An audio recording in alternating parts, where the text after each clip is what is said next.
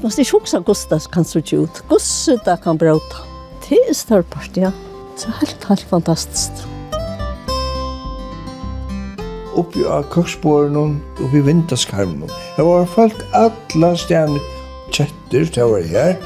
Og så kom det hente at onker høna gikk her. Det luktar om, om alt økken nesten. så det er øyla sterske lukter. Som tar du kokar rastan fisk, altså? Ja, det er verre.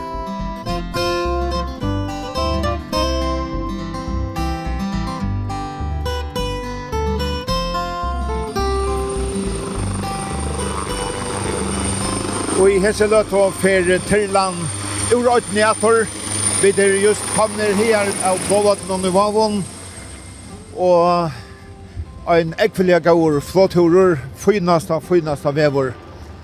Og vekkort han flei rundt han om øytna, for at uh, vysakon øytna, tog jeg at dette er en særlig dævor her i øytne. Her er nemlig bøkeutgave av skromne i det, og til er tog er kommet sammen vi en leie ut her og i det. Det er en spennende øyt, en øyt som vi høyre nekv om, særlig i samband vi feravinner, og en særlig vøker øyt, og ikke minst ta løyve, ta fokla løyve som er her er spennende. Hette er Mykines, og i det fer Janus Mår, Høyvøkjenker og kjentor utvarsmæver, at uh, legger en bok fram.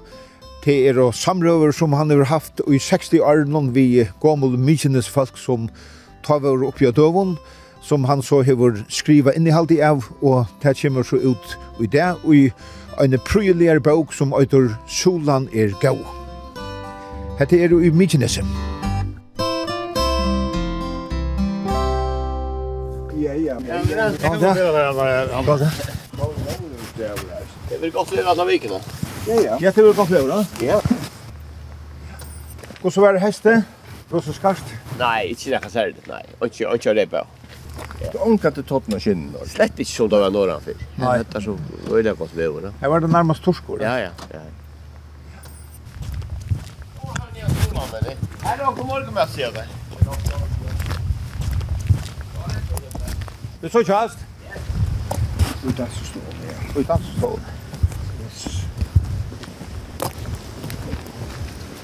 Jeg bor ute i en tøyld og fatt Ja. Hundur fors hadde jeg suttet. Hundur fors? Ja, men Heini han da han stod og sier, han kom snakk okkara, at han mintes 220. Og da jeg var først for her, da var jeg en trus, da var det da hundra. Boga lovan verur i dansestovene. Det er den gamla dansestovan her i Mykjenese som er bliven sera prylig. Det er bygdafella i Mykines som er steg fyrir tur. Hei! Ja, det er. Takk fyrir. Ja, det er flott at du var der. Utrolig flott. Her er hundan ditt. Er ikke her høkkele? Jo, jo, jo, jo, jo. Ja, jeg vil ikke at jeg kunne ønske velkommen til disse boka framgående. Tror jeg det være med om å gjøre at jeg måtte presentere bokene først i mye til og til kanskje første ferie til verden og boka framløy her, så er det det. Hva er dette som er kommet vi? Jo, det er tilfær som er samlet sammen i Nujand og Jeg tog opp på band. Jeg gjør det nekvar oppdøkker her bæg av frasagnen og av Sanche.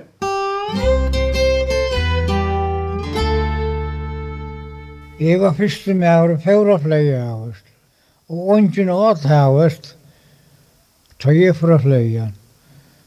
Jeg kjente til agen, til løgnagen på løgnene. Så en av frøye fløyen som jeg gjør, jeg fløye hundra.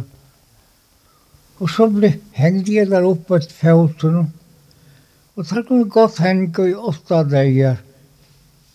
Og mer, så hengte jeg måneder og kvart, det var lykka gøyere. Så får jeg prøve å røyta der ene fyr. Og satt strøyde der så kåka i. Og det var ikke helt smakka så grulig og godt. Så bjøva jeg Johannes, ikke samme der etter papi halte. Så bjøva jeg honom ene for å komme og smakka hos der. Så tok hun en halvan og pjota i helt av det kåka. Det kjøka med dem og kjøka jeg tog i meg og sier. Så tok hun havartene pjor, gav hun en halvan eta fyrst. Yeah. Og han bit svår vi fyrsta biten hans völd. Ja, det smakka jag akkurat som, som godsula, säger han. Ja. Han var så tann han havartene sig av mig. Ja, han skulle geta en halvan av träd. Og så för han av städ samme dag i beståndgen. Skulle han ha flägat, säger han og så skulle Larsen være rødt til vekkner. Han før så i var så, så før flere.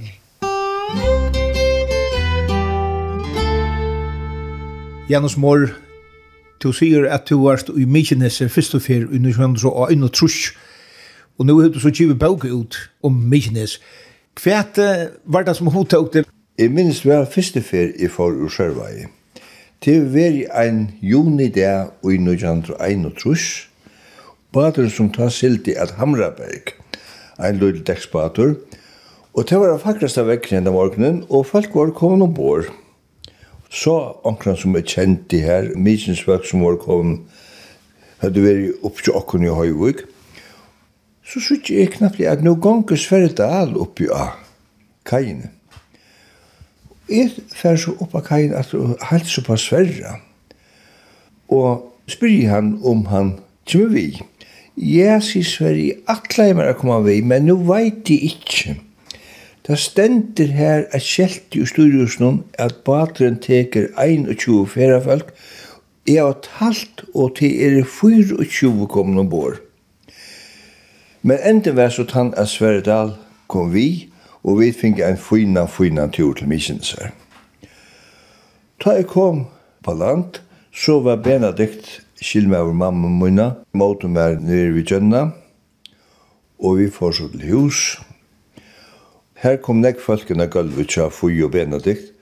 Ein av teimen var Lisa, Holtans Lisa, var hun kattla, som var atte ur Sørvei. Og hon var en så fråvar folk. Hon tog det vel å se fra over kjempningar som, og så tog hun så vel å synge.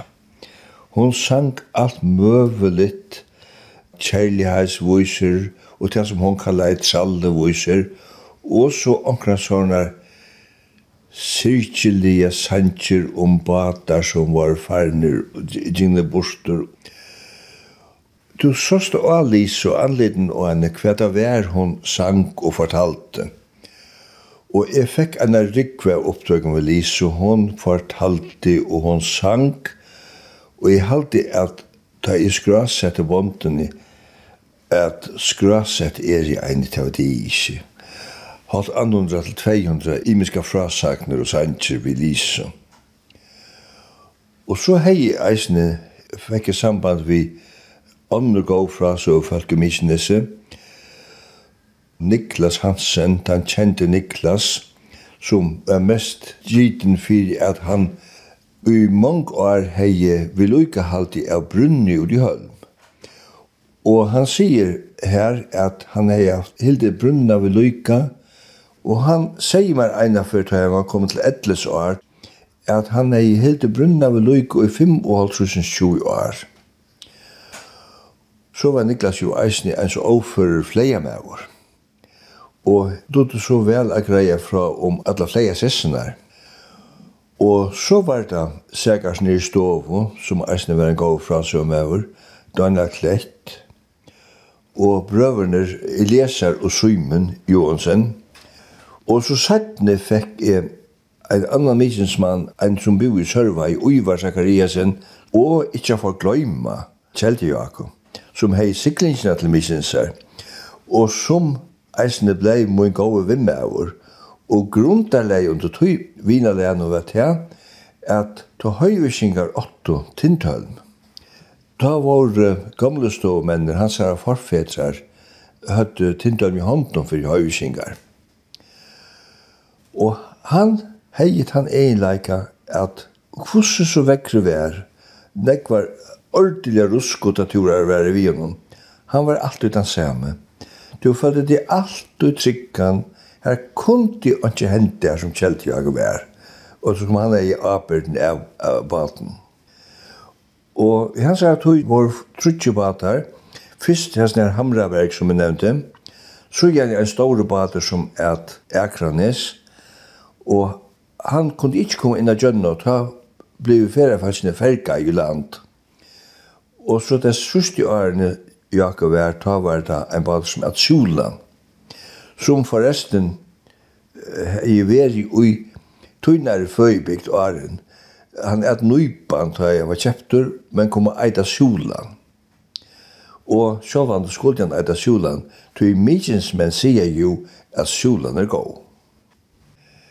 Hetta var et honalit bygd omkvarvi a kom ui. Du kjente det såleis som hese kvaldsini de kvulti helt ut seg sjálvum.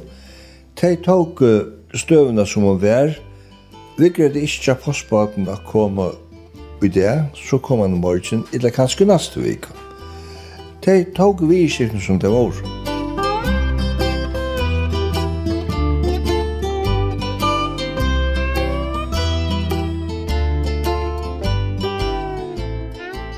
Hvordan var det nå til at du kom til Mykinsar?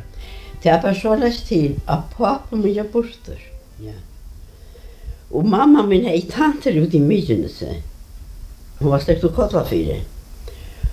Og hun er i tanter av bøndafølkene. Og så har hun eisende ved tantja hesofolkunan som er bygg vi snaimen. Og ta i så vart giftestånd til Sørvas. Ja Og så tar jeg pape døg, så sendte jeg på til henne og bøv om å få meg åkken var som eldste var da. Elpa Sanna, siste min. Ja. Vi var der eldste, Elpa Sanna var eldst. Og bønda først i naturvalget, de ville ha Elpa Sanna. Hun var åttende år. og jeg var som var seks. Og så var det hin badgen til, til Jakobtuval bøndan. Han var gift vi, vi av Bønda døttur Åkrenstov. Og de åtte åndsje bad. Og de så tog med. Men vilde selvfølgelig heldur hava det eldre, så jo må hun sjøda til, til å gjøre nytt nå. Og så var det en sånn morgen, da fjør veste vi okken. Og vi får en som alt av våre systrene, Esposana, syster jo igjen. Mamma kunne ikke være først, hun er jo et lite bad. Men så fører det her nye naturland. Først vi, vi hjelper sammen og jeg får vidt av henne. Så fører det om han her vi mer. Så fører det i Spanien og vært å spille. Jo, i Spanien at han det er blant Spanien, men så kommer det av så lett at han skal føre innholdsservice. Så nu då kan om man så vidare att smaka så spännande för då inte jag gissa att jag amma gissa gissar. Och då så säger jag vi vi en av bossmannen han var god på mig. Där döpte han Ola Jakobsson. Och så säger jag vi han att nu måste se mig från att förra i natten. Det gick mig natt vittekon. Jo, det skulle det där. Men så förlangade jag av honom att han skulle bli på god. Det här var stort at hvis du tar ikke gjerst, så får du litt la man, sier vi ja. Men så finnes det her minnes ikke et eller annet, et eller annet bare på god, det ikke, det kan jeg ikke minnes. Men hva så så kommer det kvöld i att det blir så sent at man skal sånga. Men var alltså ånden det kom etter mer, og den gråter, og den gråter, og jeg grät. Det var näka unaturlig. Og Espa sa han sitt, hun skulle trøste meg. Lisa syntes det gråt, ikke så jo. Hun var alltid så emlig og i år og til. Men veist du til Eva, nok ikke til å snakke ved Eva, og gråt. Jeg så det så det kom vest til mye, så. og ikke var i man seks år.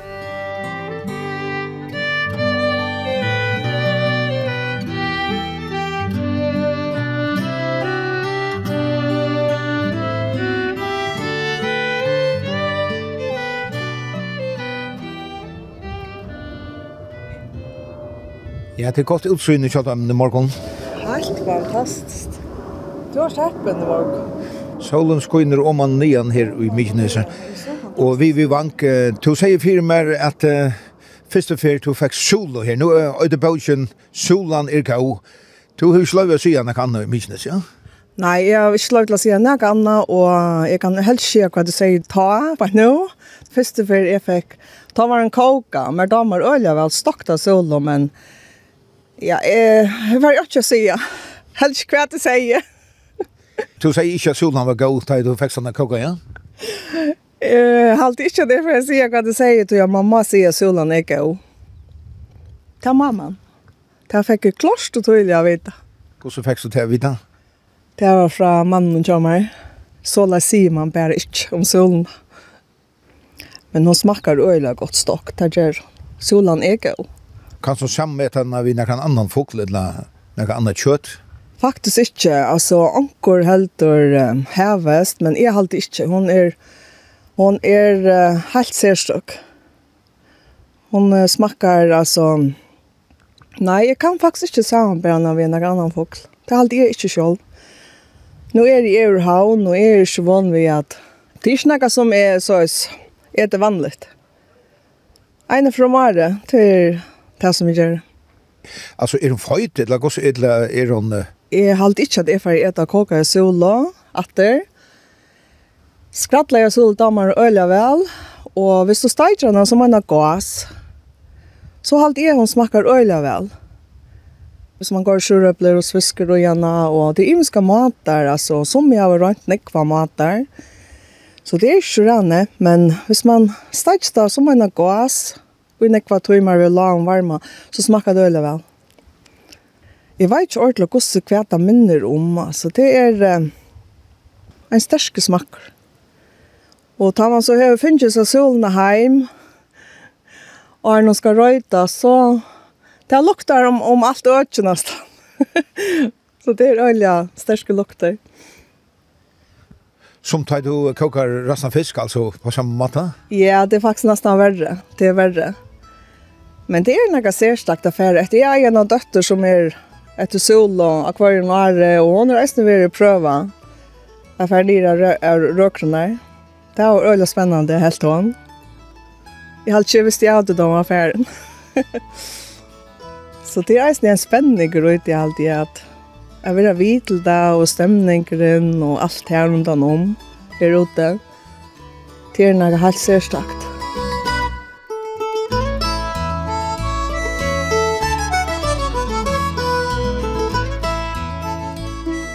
Jakob i Løvo, disse folkene som samrøver vi i bøkene tja Janus, var det bygda mynter? Ja, det kan man godt si, ja. De er jo født ta i 1814 og 15. Det har vært best å være rundt av fyrre heltene av 1900-tallene. Så det har finnet ikke til vi, hvordan løy vi ta, at vi bø og heia, at uh, vi tarve og og av velta. Og det var nek folk her i Mykines ta i torra tog? Ja, så har det vært om mellom hundra og kanskje hundra og trus. Det fikk jo alt det, det gamle samfunnet vi gos det rigga i. Og da var det så løsne at det som var ung, bøtten, det tog lot i ødelen til vanlige arbeid, ut i arbeid. Det som kanskje var mest interessant for det smadron, og det smadron, just det var Det var de som var flere tog, fokla tog. Jeg var ikke mer enn 12 år gammel tog i papen min. Heime ofta vi tar han for flere lånt lunter. Bæg her nærendes og hantan for reisene. Borgadalje og Kolvadalje. Og eisen i Bjørkund. Så var det var rett tilkommet, så ta visste jo om nekva sesser rundt om i Mykjens. Jeg er i Åttmafjall, det er som har platt jeg genka, nok som jeg. Og Kolvadale, alle tøyene med han fleia i, han satt fleia i så, så satt jeg bonten, og i bandet satt vi her som han satt. Ja, ja, og jeg kom kran lånt at jeg snæra et la kippa, så lærte man det så. Slapp ångt til å sitte av stånden i reisene. Ta og utskiftning innan gars ble gjørt. Ta og det her og at han matrikkelstånd der som gjør stå for sin arbeid om at sitter seg her lunda sessionar som vi visste om og og lunda plassen ei merkja til, la merkja til og er kost. Ta gjør det så så sama vi vi tar og selja vi og la oss Danielsen. Det koster jo til Kjalsen. Og her er Og i Kostos er holdt halvfjers lundas rundt om vi kjens. Og omlai holdt trus, et la rattar sagt tjei og fjørt lundla plås, som så sessen er roi. Så det er ikke hessene? Nei, fuglerne har haft en øyland tøytning, bare Med solan og, og kanskje selja, selja lunten. Det er syks at det er salta og eina tonno til hvert vaksefolk til å ha til ett om vetter. Altså, av lunta? Av lunta, ja. Hvordan ofte ofta har det så lunta? Ja, man har vært sånn, ja, det har vært sånn, snart. Tvær tror jag för att vikna. Det var det mesta vi har svär salt med at ta och torst till att det var ikke nek annat väl i mitten. Så koka at vi äpplen. Men tar det här det stannar vanlig vanligt av flera hus och så att han ändå Første fuglen du fikk, det var om vetren, det var Hævestur. Og her, han kom eisen vel, han kom vi bare være røtter og, og skrattlaur og, og gjør til frikadeller, det var, han kom utnyttas av imenska matar. Så tar man vel høyt i oss bøkene solan i gå? Ja, det var han sier at det Jeg må ikke først si at nekka anna, jeg tung at stuffe så løsne her. Porra, mykje som vi vi solen jo få der å se og stanna eller okkur kritisera han. Det er nok som vanlig, tror jag. Ta ungkom och nej för har jag blå. Jag vet ikke om det var happa, men det var så ganske ui stortlega. Jeg får der å se sola ring. Men det fikk man ikke mycket som folk kan se. Ja, det ställer lukkast jo nok. Hvor skal man säga at solen er god?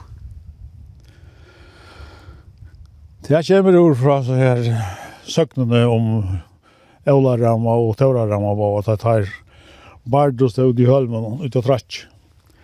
Mykjens riste var han, og hinn derfor løyven hon. Og han lova jo så tru ting. Det var kvelden i kveldajøk, og et rekkatre i Vieratla, og så solan som skulle komme av hølmen. Hetta skulle koma hver i nær. Men så hendte det av som en der fikk vilt i bjørgen av kvelden, og nå begynte at jeg lasta kvelden. Tvørste var ikke godt nok. Og kvelden kvarv, og så var det treet, Jeg brukte det til bønhus, og bønhus er reiv nesten av hver i nær. Det ble ikke mett av vi tar for å bruke det treet, Det ble bare verre. Så lastet det treet, Det var bare skreft og krog. Det var ikke en klauta der der fing upp i real. Så att han att han så hade last det där. Så tar för ungen att lasta solen för jag spelar av igen. Så öll har rätt att för ett solo. Ja, det har lagt till för ett solo, akkurat som det till dem som har lagt till för ett fjäll. Det är rätten till det fjör som verkar mycket så det är rätten till det är bort som det är åttingar.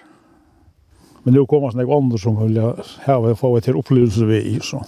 Hvordan jeg pleier jeg færre ut et solne? Jo, kan det godt komme på i fjør til Ålsrush, ganske mer folk. Det man folk og komme folk. Det er det sindra spennende, og dette kan ikke fyrt jo i mysk om natten. Det er skjåttsamt på den annen. Det er vært tykkene da natten, nå er det skårene og nakka. Før var det vært tid og nære for mysk. Nå bruker man likt og takke der vi. Og, og skjer at han nakka. Så var det der blakka her til, av. morgen omtatt det fra Lysa, så er det båter under kyrknåren, for så er båter, og, og der er blakka her til, og han hentet der opp. Hvis det ikke løgnet drar kjøp båter, så var det drittnar opp og, og korda, korda rommene halmen og korda og i båten, i til av Vestundsrøden. Det er resten kom fyrir at der har vært solen og tur i brim av baven, så kan man si. Så da ble det barnar her. Her er jo tunkar. Ja, det er tunkar. Det er nok av vera enn 8-20 soler. I senast årene heter li om 400-500-600. Det mesta þarf að finna haldið að snakka om, det er 1200 soler. Så han levde godt, hun er gøy, og hun levde godt. Men hvordan ber det til at hun bare er i Mykines halm i fargen? Ja, det er veit ikke. Hvordan hatt det kan bæra til? Det burde være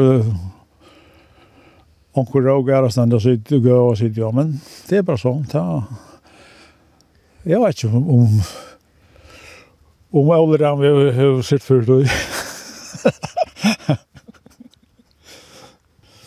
Men jeg är ikke rett där Gåans hang som sier øyelig øyla vel Gustav Vær og sier en fagran der og, og flere lunter. Jeg sette ordet gråt en fagran som var der. Ta sikst at han Sett ut i orne lampa og ist uh, illa fikk hun gossos så er hovskåttet til hese yrkjengjene. Lysa og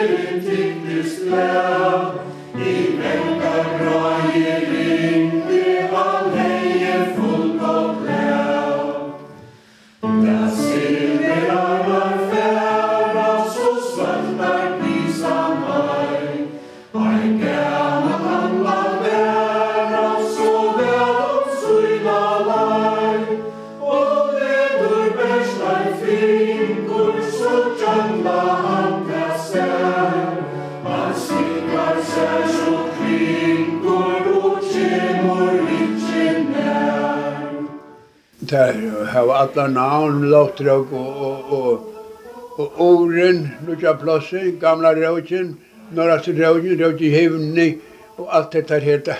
Där har kvar Rauchen sutt sutt namn Det var bara en, en stort liv turar. Och tar man för ett solen, tar man för att dränka så måste man absolut ha en flaska vi Ja, ja. Jag har ju kvar en den ena som var första för solen og da drengar han ena fløsk. Og ta det først i halmen, så heit vi krov, første fyrna, ja. Hvor maur som ikke hei vært fyrt, det kunne godt være fem, seks, jeg, som ikke hadde vært fyrt, og tar hadde kvosset krov vi, og eldste maur som for at solen i han, han borte der. Det var skund, som og skår jo borte mittel mennene som var et solen i. Og, og det var ikke nok ved det en ras gengur etter Hölmen i Erva. Men her här igen hon slapp, stoppet där inte så mycket hade varit för. Men plattan lite bastas i snären, där jobbat til snären. Snären har gjort och ändan av löjden ju här och i måttet där lite. Så plattan har skiftat av er här och så mycket hade varit för. Alla natten i köken. Det skulle inte ner nu. Det skulle inte först och Og Och först och först hade du år av røkene, da skulle du eisen ha en fløsk. ja, ja, da skulle du eisen ha en fløsk av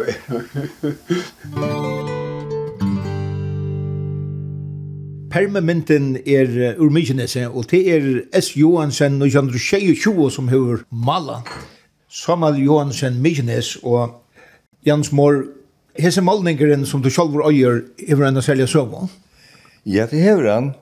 Tøy, jeg hatt er en målninger som mine forelder finge i bruvargave fra falkunum Anders Hansen og kona hansara Johanna Marie Skull Hansen. Det er stendur enda av bergsøyene av malerøyene til forresten mal av kryssfiner fra fyrmester Hansen og Frove, Mykkenes Holm. Og til som sagt som Elias Johansen Mykines som hever malet, Då har han vært 21 år gammel, og jeg hadde at det er en så vøker mynd, du sørst ut i Hølm, og du sørst Hølmtjekk, og du sørst Brunn om Hølmtjekk, du sørst Vitan, du sørst Klett, til Haksasteg og Hølmenon, og du sørst Rekvekotl, og du sørst ut i Lampa. Og du sørst altså ikke nyr i Gjønna, du sørst innsiklingsna til Gjønna, ja. Og så var det så leis at hatt han maleri her kanskje stjokk i husen og i nek var, da hei man jo petroleumslamper, brente torv og, og kål, og bøylet var blivet sin du døkt. Så en av først kommer Ingolder Reine, og han var så hodtisen av som malerien, men sier han, hetta maleriet kunne trangla være rensa. Og Ingolf Sverige som han finne med over han var, at la meg gjøre det her. La meg fære vitt du. Og til Ingolf Reine som hever renset det, og finnes det at det var så klart som det er, det ser ut som det er spilter nøyt. Det er altså utmåter halvfemsere gammelt. Det var ikke nivi om hva permanenten skulle være. Nei, det var selvsagt at det skulle være biladet tja som Aliase, som mykjens menn kallar han, og som i eisen er kallar han. Og kom a kjenne han nok så vel tog at jeg var ofte inne i tjonen en tvei år da jeg var ute var han i mykjens samståndes og hei at jeg er ute i Kristianshuset og jeg platte kvann fyrra parta for en tilansara og prata med henne av og det var hundalige løter. Og etter så heve finnje mynd av einar flikvande solo av bergsøyne av borgene. Det er eisen en sjálffylgja tog at at det er en veker fokler. Det er det som misnes er kanskje Odgen er mest kjent for at det er eneste sted som Sjøland eier i fyrjun. Öll norrskjene halmen og drenganer her er jo. Mykines er Sjølereier Einas her hin rottna eier sier, hans Andreas, og er i sannsyn om lyd i fyrja land. Jans Mår, gå så til at du langt og fyrst i, når Jan Dutrusjen hon der en mannpekare at at gjøre samrøver ut i Mykneset? Jeg kjøpte bandopptakeren just til til endamålet. Jeg følte det så at jeg hette 80 av det gjørst, og så kjøpte jeg en uher batteribandopptakere, og akkumulator. Og det ble jeg sinter innvikla til at akkumulator skulle jo løvast. Elektrisitet var ikkje mykje nisse ta, så at ta måtte man færre ut i hølm. Det her, her var, var våre motorer, og her var lestighet, og lykka leies radioakkumulatorer heimal eisen i Mysnese, og ta måtte eisen ut i hølm og være løtter.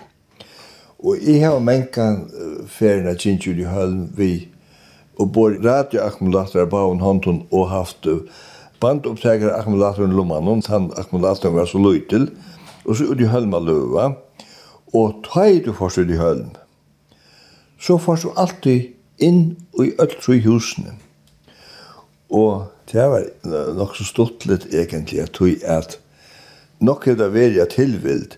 Men jeg halte til at at de fleste og jeg gjør det så jeg kvost er man får inn etter rang. Du får først inn til uh, formestaren, Lias Li og uh, Fuyi Konjansara. Så får du åman til fyrassistenten, og det var ta Jekvan Kristiansen, som var atter fra Jekv, og kona hans var Paula. Og så får du åman til fyrpassaren, og det var tja Abraham og Hertis, som begge var atter unnøttelse. Og det var alltid hona lidier ferdig hølm. Man hei gåa tøy, og gav seg stunder a ferdig inn i øltryhusen. Det gjør man alltid. Og tog først ut i hølm a løa, tog at her var, altså, her var utkjørt til det, så her, her var jo framkommet. Ja, ja. Ja, ja, og så ut at etter akkumulatoren, det er netter. Tog at jeg tog cirka samtør a løa en akkumulator.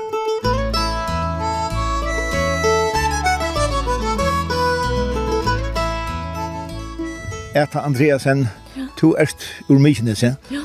Og hva sier du om høyti av bøkene Solan er gau? Ja, men hon er gau.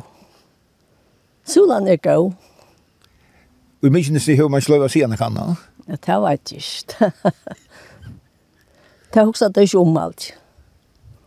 Du er oppvaksen ved solen, Ja, ja. ja. Hva sier Solan? Det er vanlig dør. Det tar bare en salt, altså, som brukte om vetren, vetren før, sånn. Hon var rätt inte att hon var rätt. så.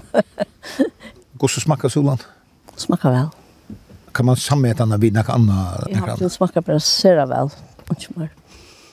Det var en slags det. Det var allt salt. så alla var salta och la koka vi salt i. Ja. Vi tar den inte torsa. Men åker heita i bygden. Det gamla åkte. Torska vi hött och allt i åker tänkande. Torst.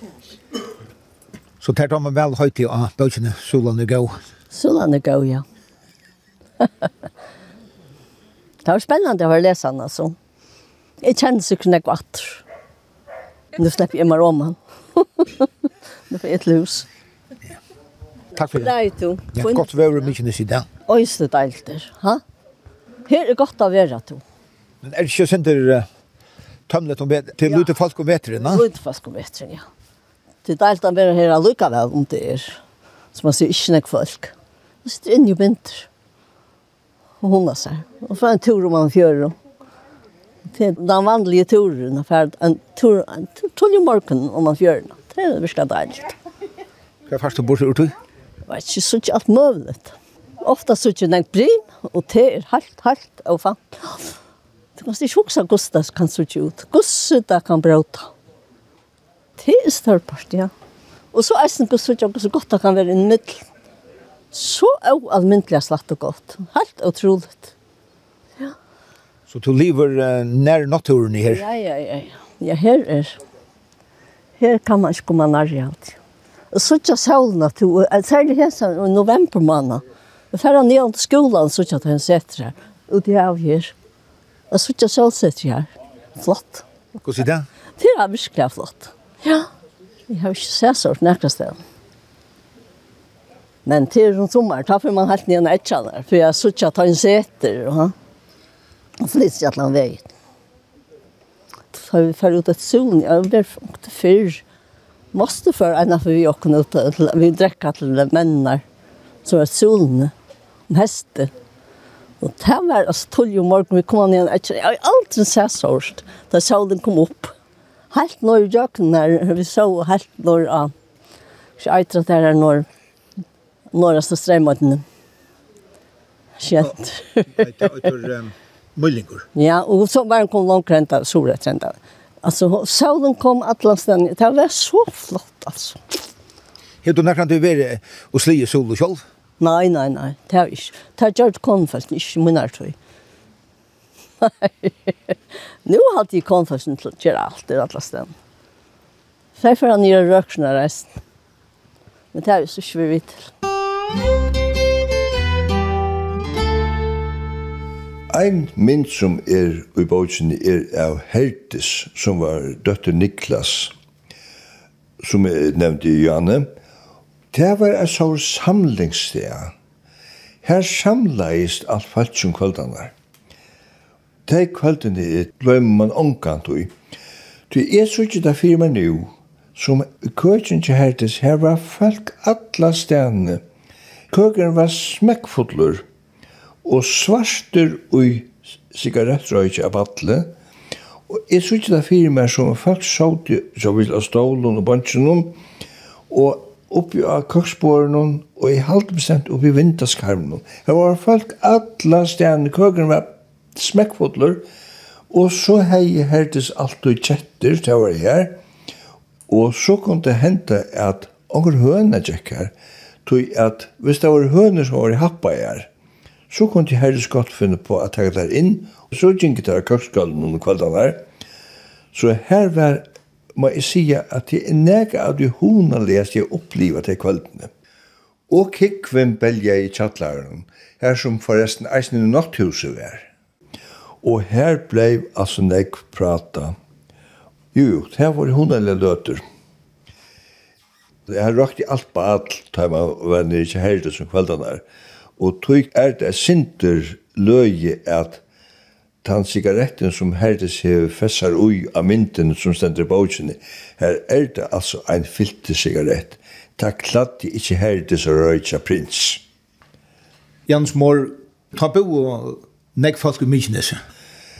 Jeg halte at det første årene jeg var ute og ta bo da omlai hundra folk, Jeg alt var omlai 20 skolabøtt, og det var trutjer handlar, så at det var et livande samfella, og her var neit, og her var tarvor i bygdene, og også sjåfislet. Og jeg minnes en affær vi dvore til Sverre Dahl var ute ta, og professor Glob, som var eisende vid til ugressene danske rutsantikvareren. han var eisne vidt til ukrefstranda her, det er Tofton og oppi Klinkergære. Og så en dag nu skulle det gjøres en fer iver av Kolvadal, hitje etter Kyrjerhetje. Vi var nek folk som fra Stian Sverdal og Klåp var så vi eisne. Onker okse tjekk i heian og ta middelen hinn neiten minns med rett, og vi var så kommet igjen av, og skulle fære åmene av Kolvadal. Men vendi attur til det blei nekka kallt. Glob fylltes vi omkron tjekk nekka lengt framan fri okkon. Og nu sutja vi at offerakæte kjemur av oksan. Oksar er jo vera rokna fyrir vera helt avfarligir. Ta let vi sværa nei, nei, nei, nu dreper oksen professoren men alltså här skedde så inte och allt jag men check no illa för Sverige att komma vi är vi och hade ett av mina minnen om Sverige men så må jag se en ärsom Sverige som är helt den søvan er egentlig så vøker og sier så nek om hvordan Sverre vi er. Det første året da grov vi ut nere i Tofton, her nere i Bønhusbergje, her er en Bønhustoft, og sækars nere i stov, som er en av mine frasøvmannen hei en heka som han grov i. Så sier Sverre, hatt en sliten heke din heva. Ja, sier Sækaris, tog at jeg har velt med i parten av trønnet sammen vi om. Og Sverre sier det vi, en heka mot en ikke bruker her, sier han, tog han må varveida som han er. Og det stortlig er til at i bøtjene er mynd av bønnestoftene her nere, og her stender en nutjer hætje i ester endanon, og han sa tydelig myndene, tan hækan hei Sverdal vi til Sækars den neste året. Ta grås Sækars vi en nudger hæka.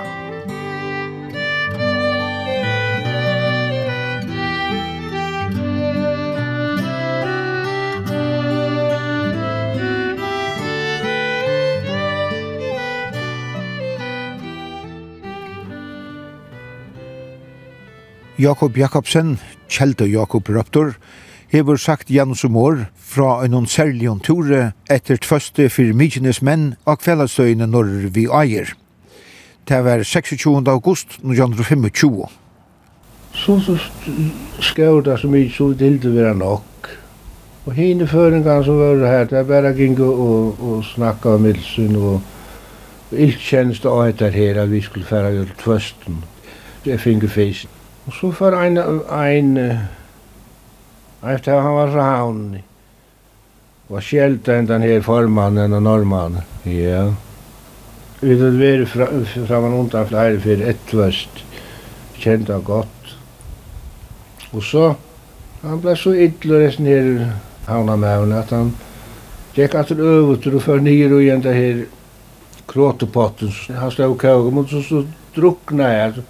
Ja, ja, og det var så forferdelig skilt av det. Det måtte være nye vin, lagt han ur. Han måtte alle skolta. Øv så skjelte han, skulle ikke fota han opp. Det gikk en gud det samme, sier han, hva, hva det Han følte fota, det var han som rådde her. Og tar mennene som var kommet, tar hadde haft gåa tog, sier han, vet der at finnes det tvøst fra man undan. Det er jo nekko kvæler fra man undan, som tar kunne han finnes tvøst så tar lengt för menn skulle få fyrst og fremst, og aller helst til Mykinese. Det var en sånn oj.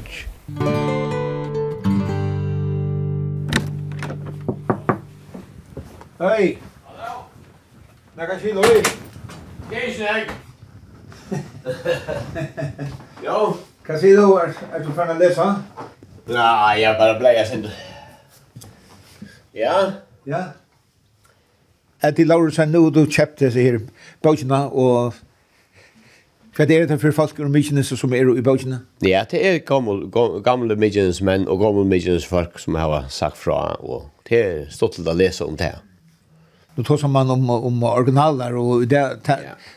tar man om positivt, vi har ja. originaler, ikke som alle hinne. Är det originaler?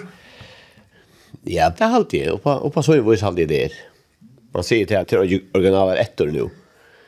Men... Uh, Det vil nok alltid være. Ja, det har vært originaler i Mykinese? Det har vært nekker, ja. Det har det vært. Det har alltid. Hva er ei kjentar? Nei, det er tarra måte jeg har på. Og ikke det er jo lykka. Jo, jo. Det har vært. Det har vært uttla for å lese om det, hva det er gjør du ta i tøyene. Omstående i Mykinese er nek brøttar? Ja Ja, første ferie jeg kom til Midtjens her, nå er det fyrre trus og smadrangur, og ferie, til fyrmesteren ute i Hølme. Ta vore sånn ek folk om Midtjens, ta bo hundra folk her. Og det var helt nek annet enn i det. Hese folkene som har sagt fra i Serbøkjen her, levde her lengt, lengt av en ekom her, så at, at det er eisen stått til å lese om det. Det gjør det. Nå er det Midtjens med, men opprunnet er det Sørvinger. Ja, ja. Jeg kom ut første ferie til Midtjens her, nå gjerne for trøst hos madranger, ferast. Og mer damt det grøy godt her. Jeg var tro i sommer trekk da. For trøst, fem trøst og seks trøst. Så kom jeg atter, ta jeg hei hitt konna som er. Og vi bosett så her, og i 2,5 Ja, så gjerne har vi vært her. Hon slekter han til Anstonia. Så det var spennende for å lese han. Ja, ja. Ja, ja. Jeg hadde det godt at anker skriver om Mykines, og det er, er ikke så god enn jeg skriver om disse øyne. Jeg hadde det kommer av til at uh, det ble bare fortalt fra mann til mann, det som fire først her. Det var så sent ut tøyene folk i Mykines lærte å lese og skrive. Så det er bare godt at anker skriver nye. Det är Gå men från Somalia sig och ta permini, vågni. Ja.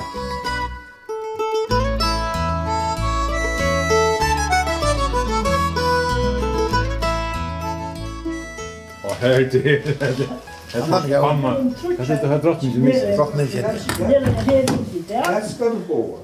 Og jeg var ikke Ja, ja, ja. Og Einar Pedersen, skriver litt om det. Hette er så først og fer en pågå framlå har vært i Mykinese, og vi fikk inn i dansestoven jeg vite at om stått at tog kommer enda en bok ut om Mykinese, tullja kommande år om det gang som atla, og Steinkrim Abrahamsen, to kommer en bok ut om stjernen i Mykinese. Er det nek stjernen?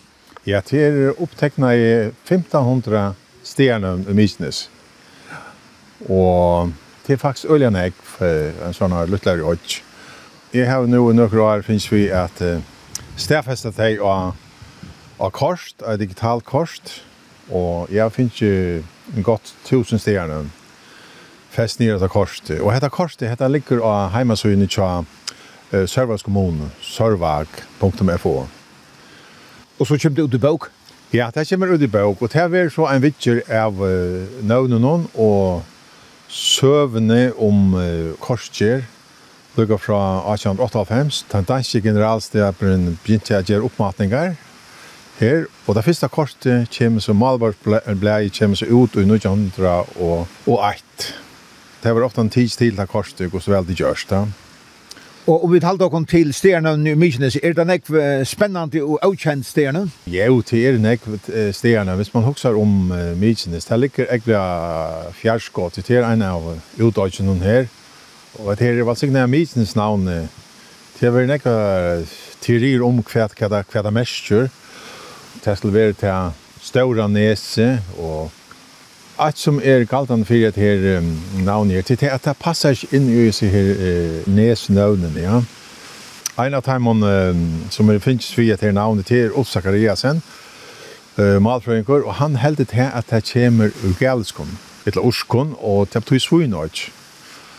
Mok, det betyr svuin og innes til nes. Så vi tar tversvuinorg her i fargen? Tversvuinorg i fargen, ja.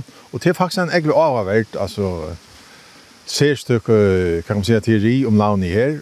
Jeg har ikke hørt nekran, eller lise om nekran som hever ettervist det. Man finner egna nek av Vesterstronten i Urland, finner man nek, nek nøvn i Innes, Mok Innes, ja. Så det er kanskje akkurat om det.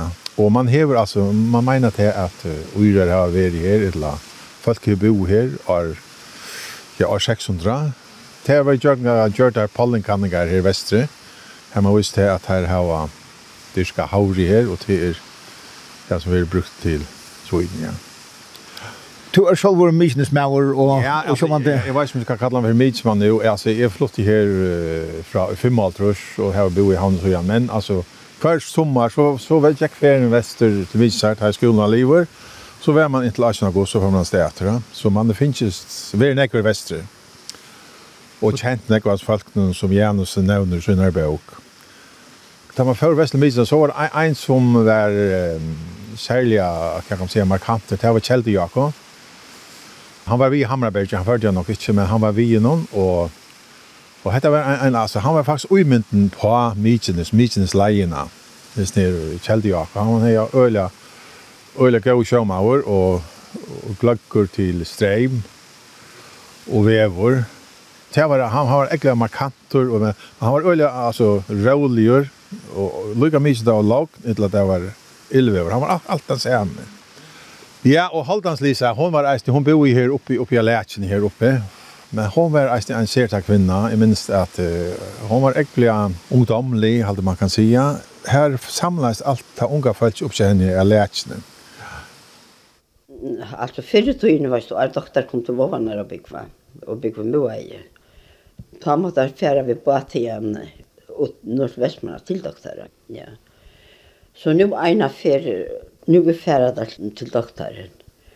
Og ta ett der kom när bær alt av kallar det. Ja, det er norr ut för vikon. Ja, bær ja. Nu så jag där så grusom vill jag gott vävra jag så nu ska jag bara göra det. Nu så jag där för en kona sitter ute och en tänker läkt ut i käkven så en tänker så gänkor ut i käkven. Mm. Allir mennene av baten så henne, og småbaten kan godt spelt om den mannen. henne. Hun satt og bant han skiftet ikke bort. Ja. Og ikke folk var av, av ta. Ja. Hva til du til jeg var for folk? Det må være av gjort for. Ja, det er alltid jeg. Og det måtte alle. Alle så var henne baten. Men jeg var snedd om å var å sitte og kjøre en tenker.